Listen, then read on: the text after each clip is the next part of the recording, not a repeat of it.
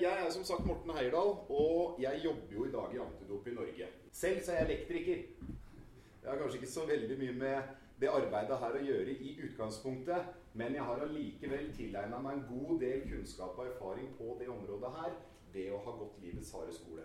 For jeg har brukt anabole steroider i ti år, og på den måten da brukt min egen kropp som forsøkskanin og laboratorie når det kommer til disse substansene her. Idrettens verdier og holdninger sto veldig sterkt i kurs hjemme hos oss. Og uten at jeg skal stå her og påstå at jeg er født med noen magiske fotballevner eller fotball på beina, hvis det er noe som heter det, så trente jeg det minste mye. Jeg hadde i hvert fall et mål, en drøm, med den treningen jeg la ned. Det var å komme på A-laget. Jeg ville spille med de store gutta litt oppover i divisjonene, og den muligheten fikk jeg. Noen dager før jeg fylte 16 år, så fikk jeg sjansen på A-laget. Jeg var en veldig høy gutt som også var veldig tynn. Og det å møte jevngamle spillere i dueller på juniornivå, det gikk greit. Jeg mestra det jeg drev på med. Og det å plutselig nå møte fullvoksne mannfolk på A-lagsnivå, det var ikke like enkelt. Foreldrene mine, treneren min, klubben for øvrig, og vi drøfta hva vi skulle gjøre med dette her. Og det rådet jeg fikk ifra de, det er kanskje like naturlig som det det er logisk. Men det de sa til meg, at Morten, skal du ha større muskler, skal du matche disse gutta i duellene, så må du begynne å trene på treningssenter. Så jeg gjorde det. Og jeg la ned like mye hardt arbeid og disiplin på treningssenteret som det jeg hadde gjort på fotballbanen. Så selvfølgelig ga jo dette her resultater til å begynne med. Det første halvåret så hadde jeg en stigningskurve, og jeg økte både i styrke og størrelse. Men så flata det plutselig helt ut. Fortsatt var jeg ganske langt unna det målet med å matche de store gutta på fotballbanen. Jeg prøvde å legge om treningen min, jeg prøvde å legge om kostholdet mitt, men jeg kom ikke videre, og jeg var utålmodig.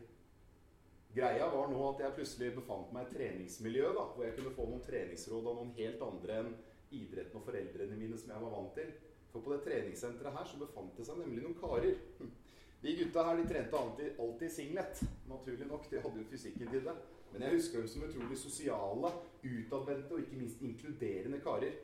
Jeg husker de kjørte rundt i kule biler. De hadde tydeligvis mye penger, de gutta her. De eh, fikk jo masse oppmerksomhet fra jentene. Og de fikk også masse respekt fra kompisene sine.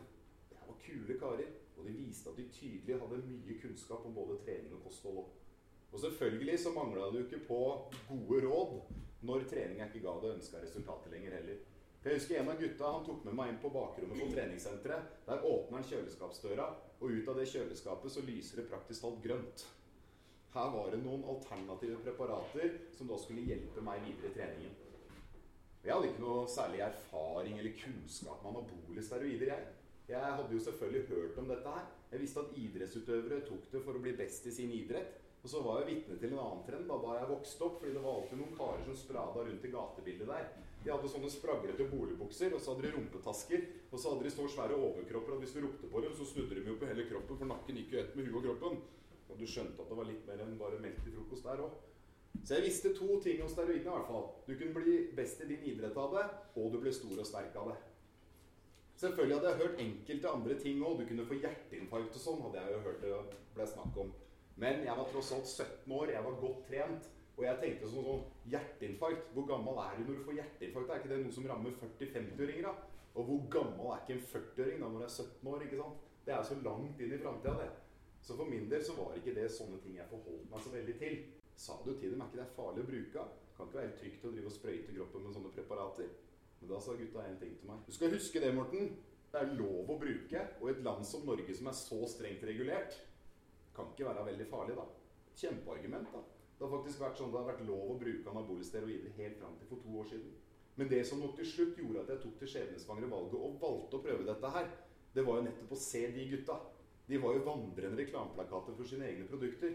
Altså, Det så ut som gutta var hogd ut i granitt. Såpass fysikk hadde de jo. Så cruisa de ned Karl Johans gate i kabriolet, i Hugo Boss-dress og feit seddelklype. Jeg var i hvert fall veldig fascinert av det de representerte. Så jeg valgte i hvert fall å prøve. da. Tenkte at uh, hvis det skjærer seg og jeg får noen bivirkninger, og sånn, så er det bare å hoppe av. Kan jo bare slutte. Ordner seg dette her. Så jeg husker jeg ble med en av gutta hjem. Vi uh, satt på en pizza, bestilte en film. Og litt seinere på kvelden da, så hjalp hun meg med å sette første sprøyta med anabole steroider. Og jeg skal være ærlig med dere her i dag. Anabole steroider, det funker, da. Det funker noe så grådig òg, da. Jeg fikk en kongefølelse av en annen verden. Det her var en beruselse. Altså, Jeg kunne trene mer, jeg kunne trene lenger, jeg restituerte fortere. Jeg spratt opp om morgenen og var full av energi. Det føltes som jeg bare fløyt gjennom hverdagen på en sky.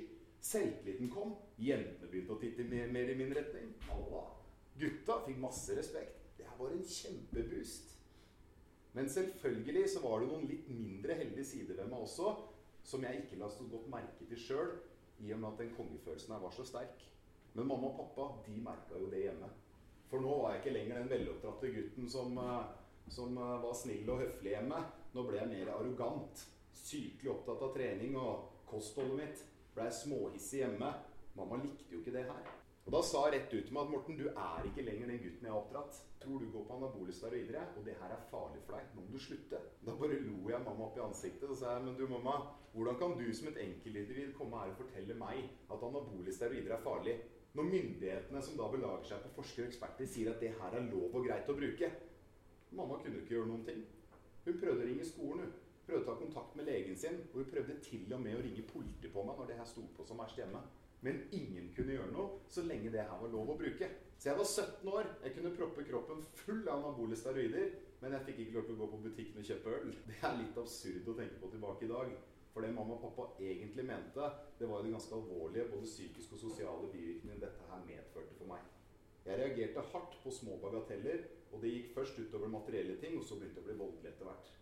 I tillegg så ble jeg veldig mistenksom på alt og alle rundt meg. Jeg stolte ikke på noen lenger. Ble rett og slett litt sånn paranoid på hele verden. Det gjorde at jeg var sykelig sjalu på kjæresten min. Og så ble jeg veldig fryktløs på det her. Jeg følte meg så sterk og uovervinnelig og hadde sånn oppblåst selvtillit på dette her at jeg følte nå at jeg kunne kaste meg inn i enhver konflikt og skulle ordne opp i alle, alle, andres problemer. Men den kanskje verste konsekvensen dette her medførte for min del, det var at empatien i meg forsvant. Jeg hadde ikke lenger medfølelse for andre mennesker. Så i min verden så danna jeg meg en sirkel. Oppi der så plasserte jeg alle de menneskene jeg brydde meg om her i verden. Og de beskytta jeg med livet som innsats. Mens alle andre på utsiden her de blei etter hvert brikker i et spill som handla mer og mer om business og kriminalitet. For det var også en ting jeg begynte med. Mye av grunnen til det var at jeg nok fant litt spenning i det, med tanke på den mentale tilstanden jeg befant meg i. Det var en måte å vise seg for eldre gutta på treningssenteret på. Men den kanskje viktigste årsaken til det, det var finansiering av dette her. Kosta jo en del penger òg. Jeg skulle egentlig bare bruke det en gang, da. Greia var at jeg skulle matche de store gutta på fotballbanen. Ja. Det var jo målet med dette her i utgangspunktet. Men alt dette her skjedde jo ikke bare av én kur. Men jeg klarte ikke å stoppe etter bare én kur. Mye av grunnen til det var at jeg for det første gikk opp 12 kilo med den første kuren med steroider. Det er mye, men da jeg også gikk av steroidene igjen, så rant jo kiloene av. Og Jeg ble jo så detaljorientert på egen kropp og utvikling. Å se det at alle de kiloene ranta i speilet igjen, det var frustrerende. I tillegg så er det en annen ting med steroidene. Når du tar så store mengder med Altså Dette er jo kunstig fremstilt testosteron. Det er det anabole steroider i utgangspunktet er. Det mannlige kjønnshormon. Men en mann han produserer jo mellom 5 og 10 milligram med testosteron i gjennomsnitt i døgnet. Da jeg brukte anabole steroider, så brukte jeg inntil 200 milligram i gjennomsnitt i døgnet. Og da stenges jo egenproduksjon av. Hypofysen som sitter oppi pannebrasken på oss her, som ja, kan beskrive det som en termostat eller kommandosentralen for alle hormonene i kroppen vår, den registrerer jo at du oversvømmes av testosteron. Og den sier jo da fra at vet du hva, nå må vi stenge fabrikken. Vi kan ikke produsere mer, for vi får så mye. Så det hypofysen rett og slett gjør da, er at den sender signaler ned til gutta boys. Og når jeg snakker om gutta boys, så snakker jeg selvfølgelig om testiklene. fordi det er der det meste av testosteronet til oss menn produseres. Da sier han til gutta gutta, vet du hva, nå får vi så mye testosteron. Dere må slutte å jobbe. Dere blir permittert. Vet du hva, ta dere ferie. Og det er ikke en sånn svipptur til hytta en helg og tilbake igjen. Nei, nei, nei. De forsvinner virkelig. De drar på jordomseiling. For de blir borte lenge, altså. Så de krymper jo inn da, fra å være to vanlige testikler til å bli to bitte små erter en ertepose. Ble helt borte. Nå hadde jeg ikke baller, da. Det var jo kult. Men den andre tingen som skjer da når jeg slutter på den første kulen med steroider, er jo at jeg nå var vant til å ha så store mengder med testosteron som jeg hadde da utenfra og inn. Nå slutta jeg jo på det, og i tillegg så hadde jo egenproduksjonen blitt såpass undertrykt. Så da gikk jeg fra masse til å ha ingenting nesten over natta. Og da gikk jo jeg deretter. Det var jo en sånn intens tomhet som fylte meg. En litt sånn zombielignende tilstand. Orka ikke stå opp om morgenen, så ikke noe mening med livet. Det var heltungt, altså. Og det passa jo dårlig. Jeg var liksom blitt en av gutta, han som alltid stilte opp når det var noe. Det her ville jeg ikke. En annen ting det her også påvirker, det er jo driftene. Jeg skal være dødelig ærlig med dere i dag. Altså, Junior reagerte litt på at det var så mye testosteron i kroppen, han òg. Altså, han kunne jo stått i to uker, jeg kunne sikkert banka Fjellmenn. Det var jo innmari stas når jeg holdt på med dette her. Men når jeg slutta på steroidene, så funka ikke han lenger heller. Da sto ikke strutsen lenger. Her var det jo mange årsaker til at jeg ville på igjen så fort som mulig. Så da begynte jeg på en kur nummer to. Men når jeg da først begynte på kur nummer to, så visste jeg hva som kom til å vente meg. Og Da gikk jeg til de gutta som hadde solgt dette her til meg, så spurte jeg gutta det fins ikke et eller annet da som kan døyde bivirkningene, noe som kan få i gang egenproduksjon raskere. Å jo da, sa de. Selvfølgelig er jo det. De gutta her de er som vandrende apotek. Så de har kanskje litt mer enn du får tak i på Boots apotek òg, men de har i hvert fall alt. Så litt sånn billig talt, da, så dro han jo opp skurkefrakken sin. ikke sant? Der drar han jo fram det ene pilleglasset etter det andre, og alt dette skulle hjelpe meg så ikke jeg fikk disse problemene. Jeg tok opp det ene glasset og spurte liksom, ja, hva er dette her for noe? Jo, nei, det er egentlig kreftmedisin for kvinner som har brystkreft. Hva sa du for noe? Ja, ja, ja, ikke tenk på det. altså Kjør på. Alle gutta i miljøet bruker dette her. Ikke noe å tenke på. Ja, ok, det er kreftmedisin, og så er det for kvinner i tillegg. Ja, ja, ja, vi får se, da. Tok opp neste glass. Ja, hva er det for noe? Nei, det er HCG. Ja, hva er det for noe? Det er graviditetshormon, sa han. ok. Jaha, skal jeg ta det òg? Ja, det er innmari fint, for det får ballene dine til å vokse. igjen, Sånn. Ja, jeg kunne trengt den. Det er, liksom, det er det samme hormonet som avgjør om en graviditetstest blir positiv eller ikke. Når jeg da fortsatte med kur nummer tre, så gruer jeg meg jo like mye. Jeg drøyde den da to uker over. Skulle gå på dette tre måneder av gangen. Men da drøyde jeg en to uker over. da, En måned over. Jeg hata tanken på å gå av. Pausen imellom ble mye kortere, og etter hvert som jeg fortsatte, så ble jeg mindre og mindre kritisk til hvor lenge jeg gikk på det, hva jeg putta meg, og hvor mye jeg putta meg. Og da kommer selvfølgelig de fysiske problemene etter hvert òg. Jeg fikk mye vondt i ryggen av dette her. Stadig oftere senebetennelse. Kroppen hang jo ikke alltid helt med. Men en litt annen finurlig effekt av det å tilføre kroppen så store mengder med testosteron skulle nå melde seg. Fordi det er litt merkelig, den prosessen der. Men når du tilfører kroppen så store mengder med testosteron at kroppen ikke klarer å utnytte alt testosteronet, så omdannes noe av det til det kvinnelige hormonet østrogen. I tillegg da så begynner det å gjøre seg gjeldende fysisk sett. da, for at jeg begynte å utvikle kjertler i brystene. Ja, det skjer. Men dette her heter da gynekomasti på fagspråket, eller bitch tits, eller testoknotter, som vi pleide å kalle det. da. Og det her går jo ikke tilbake av seg sjøl heller. Men dette her må jeg da oppsøke en lege for å få orden på. Denne privatlegen hun henviser meg videre da til et litt ymse kirurgsted nede i Oslo by. Det er i hvert fall min opplevelse av det. Fordi da jeg kommer dit, så ser det mer ut som en baker som har en skalpell i hånda, lekekirurg i en sånn sliten bygård. Jeg var litt i tvil på om jeg skulle gjennomføre dette her, men jeg kom raskt på at jeg hadde brukt mye penger på dette her. Og jeg hadde ikke så veldig lyst til å være nødt til å begynne å gå på Lindex og kjøpe BH med dama heller. Så litt sånn motvillig så gikk jeg da inn, jeg bestemte meg, og jeg la meg ned på det som angivelig var operasjonsbordet. Og jeg kunne både se og høre alt det denne såkalte kirurgen gjorde mens han jobba. For jeg fikk jo kun lokalbedøvelser rundt. vet du. Så mens jeg ligger der, da, så ser jeg at han tar tak i skalpellen sin han begynner å skjære seg vei gjennom brystvorta mi. Når han har snitta opp halve brystvorta med skalpellen, så tar tak i tanga, løfter opp brystvorta med tanga, og det han fører skalpellen inn i brystet på meg, så er det en sånn gummiaktig lyd idet han begynner å skjære fettvevet. Ut av brystet så drar han da blodige fettslintrer, og det tar nesten aldri slutt. Det ga seg ikke der, fordi da jeg var på vei hjem, så kjente jeg at det her gjorde veldig vondt. Det sprang veldig på. Når jeg kom hjem, så skal jeg dusje. Jeg river av meg T-skjorta, og til min store overraskelse så ser jeg da at det ene brystet det heva seg opp på størrelse med sånn cirka en appelsin. Jeg har tydeligvis fått en ganske kraftig blødning. Nå hadde jeg i hvert fall pupp, da. Blodpupp. Men uh, det var ikke helt planen, det heller. Så mens jeg står der, så trykker jeg litt sånn forsiktig på det. Og mens jeg gjør det, så sprekker da operasjonstinga opp. Så ned baderomsgulvet så renner det da. Det fosser ut mørkt størkna blod, massevis av de klumper, som plasker i baderomsgulvet. Men det her endte jo som det måtte. Jeg havna på legevakta. Der fikk jeg jo konstatert blødning, naturlig nok, men også hjernerystelse. Det var litt hardt å treffe de flisene på badet når jeg svimte av. Men dette her, det fører jo med seg veldig mye. Til å begynne med så fikk jeg en vanvittig kongefølelse av disse steroidene. Bivirkningene, ja, de var der, men de kunne uskyldiggjøres og ufarliggjøres og i hvert fall bortforklares og fikses, hvis det var det om å gjøre. Men etter hvert som jeg fortsatte, så forsvant jo kongefølelsen mer og mer. Og bivirkningene ble jo stadig flere og kraftigere. Da er det naturlig å gi seg. ikke sant? Får ikke noe mer ut av det. Så enkelt var det ikke. Det her var blitt en del av min identitet. Jeg måtte ivareta det, og jeg måtte heller finne andre løsninger. Så da røyka jeg litt hasj da, for å komme meg ned. Blei jo mindre kritisk til hva jeg putta i meg. Men nå fant jeg jo ikke den kongefølelsen som jeg hadde fått av stearinen til å begynne med. Og den ville jeg jo ha tilbake for enhver pris. Så da fant jeg på noe lurt. Kokain. Rett opp igjen, vet du. Dæven, for en opptur. For meg så var jo ikke det noe overgang i det hele tatt. Altså, Det var litt hvitt pulver fra Colombia opp i nesa da, når du har dytta kroppen full av sprøyter i mange år. Det var jo ikke noe stress. Og jeg var i hvert fall ikke noen narkoman. Nei, nei, nei. nei. Absolutt ikke. Altså, jeg visste hvordan jeg skulle trene. Jeg fikk resultater av den treningen der. Jeg dytta meg alt jeg fant av kosttilskudd og trodde det var innmari lurt. Jeg hadde jo stålkontroll på kostholdet mitt, og jeg sov like mange timer hver natt. Altså, I min verden så var jeg en atlet. Jeg bare balanserte litt. Men hvis vi oppsummerer, da, så begynte jeg da med ett preparat med anabole steroider, som etter hvert ble til tre preparater med steroider, fordi jeg fant ut at de hadde unike egenskaper og spilte inn på hverandre. Dette igjen kombinerte jeg med veksthormoner. Jeg fikk høre at det var litt sånn som Paracet og Ibux. Det funker innmari bra hver for seg, men sammen så er det dynamitt.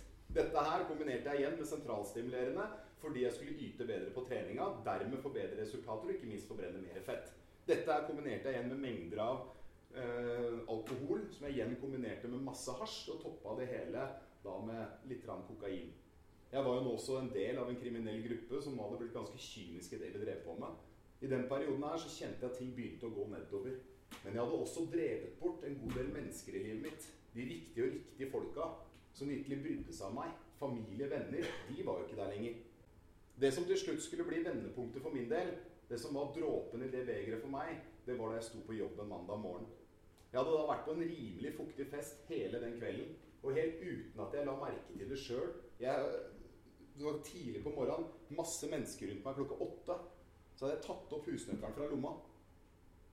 Jeg var i ferd med å ta legge opp en stripe med kokain på nøkkelen og ta den. Altså, Det var blitt så vanlig for meg da, at det var som å ta en slurk av kaffekoppen sin. Jeg tenkte ikke hva jeg dreiv på med engang. Det var helt ubevisst. Men da jeg skjønte hva jeg dreiv på med, alle de blikka som stirra mot meg, så ble det vendepunktet. Da bestemte jeg meg. Så tok jeg med meg den posen med kokain. Jeg la den på pulten til sjefen min. Og da sto jeg framfor kolleger, venner, familie ikke minst, og jeg innrømte at vet du hva, jeg tror kanskje jeg har et lite problem nå. Så valgte jeg å legge meg til avrusning. Og for min del så var det riktig. Nå tok det meg nesten et helt år før egenproduksjonen kom i gang igjen. Jeg tålte jo ikke de få ukene mellom to kurer før engang. Så jeg hadde jo ikke greid dette her uten den hjelpa heller. Men i den perioden her hvor jeg slutta med steroidene, så endra jo verden min seg ganske drastisk òg. For i ti år nå så hadde jo livet mitt gått i 150 km i timen. Jeg hadde hatt et tunnelsyn, og alt verden dreide seg om, det var det som skjedde rundt min egen akse. Men nå senka jo farta seg. Så jeg kunne senke skuldra. Følelseslivet kom gradvis tilbake, og jeg begynte å bli mer oppmerksom på omgivelsene mine. Og jeg la merke til at en del av de gutta jeg vokste opp med, og som også starta med dette her, de var jo ikke der lenger. For Jeg husker jeg også var på joggetur med en av gutta. Vi pusha hverandre ganske hardt når vi var ute og løp. Og plutselig så begynner han å få problemer. Han kollapser, han faller om, hjertet hans stopper, han dør foran øynene på meg. Da tenkte jeg som så, vet du hva. Han der han har brukt ureine varer, eller så har han brukt altfor mye. Han veit ikke hvordan han gjør det. Så må han sikkert hatt en hjertefeil i tillegg, tenkte jeg. Så anabole steroider er lovlig, og hvis du veit hvordan du gjør det riktig, så funker det helt fint. Så jeg fortsetter med mitt. Jeg har en kompis som har tatt livet sitt. Han var litt uheldig. Han var litt langt nede mellom to kurer, og dama hadde samtidig funnet ut at hun hadde fått nok av ham. Så hun slo opp med ham. Det var en kombinasjon som gjorde at han valgte å ta livet sitt. En annen indirekte årsak er en kompis av meg som ble drept oppi dette her. Det er selvfølgelig mer med miljøet vi var i enn steroider direkte. Men jeg innser jo hvor flaks jeg har hatt. Og jeg kom heldigvis ut av dette her. Og enn så lenge så ser det ut til at det har gått greit òg. Dette her har gått fra å være en subkultur til å bli en folkelig greie. Tidligere så var det de store kroppsbyggerne, det var de kriminelle, det var dørvaktene som brukte dette her. Etter hvert som jeg trente på det treningssenteret, så ble de som trente deg, stadig yngre. Når jeg sto foran de gutta på det treningssenteret, så hadde jeg ingen kunnskap om dette her. Det var ingen foreldre, trenere, ingen andre som hadde fortalt meg noe om dette her, advart meg mot at du, det fins en bakside av den medaljen nå. Hadde jeg visst at det her var som å skrive en kontrakt med jævelen sjøl Ja, han kommer og leverer den fine kroppen til deg, og du, du, får et par ekstra likes på Instagram, og du drar noen ekstra damer. Men han kommer ofte tilbake, vet du, så skal han ha, ha tilbake gjelda si. Men da skal han ha tilbake rentene sine også. Og da kan han ta fra deg fysikken din, han kan ta fra deg psyken din, han kan rive i stykker livet ditt. Hvem veit? Jeg syns det er på tide at man begynner å prate om dette her. For det er ikke sukkertøy vi snakker om. Men for mange ungdommer så tror de det. Må ikke bare bruke det i så store doser, vet du. Må vite hvordan du bruker det riktig. Passe på å bruke riktige legemidler i, under og etter kur for at du ikke skal få problemer. Det er så mange løsninger på ting. Men det er litt annerledes nå når jeg ser tilbake på det.